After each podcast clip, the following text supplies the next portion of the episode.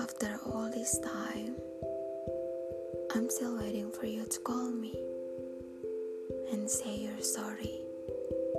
And you have not had a day where you have not thought about the way I used to hold you.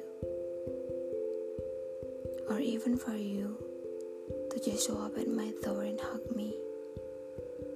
And in that hug, I'll understand everything. But in reality, I know the longer I wait, the more you're getting used to your life without me. You're happier without me as the time goes on.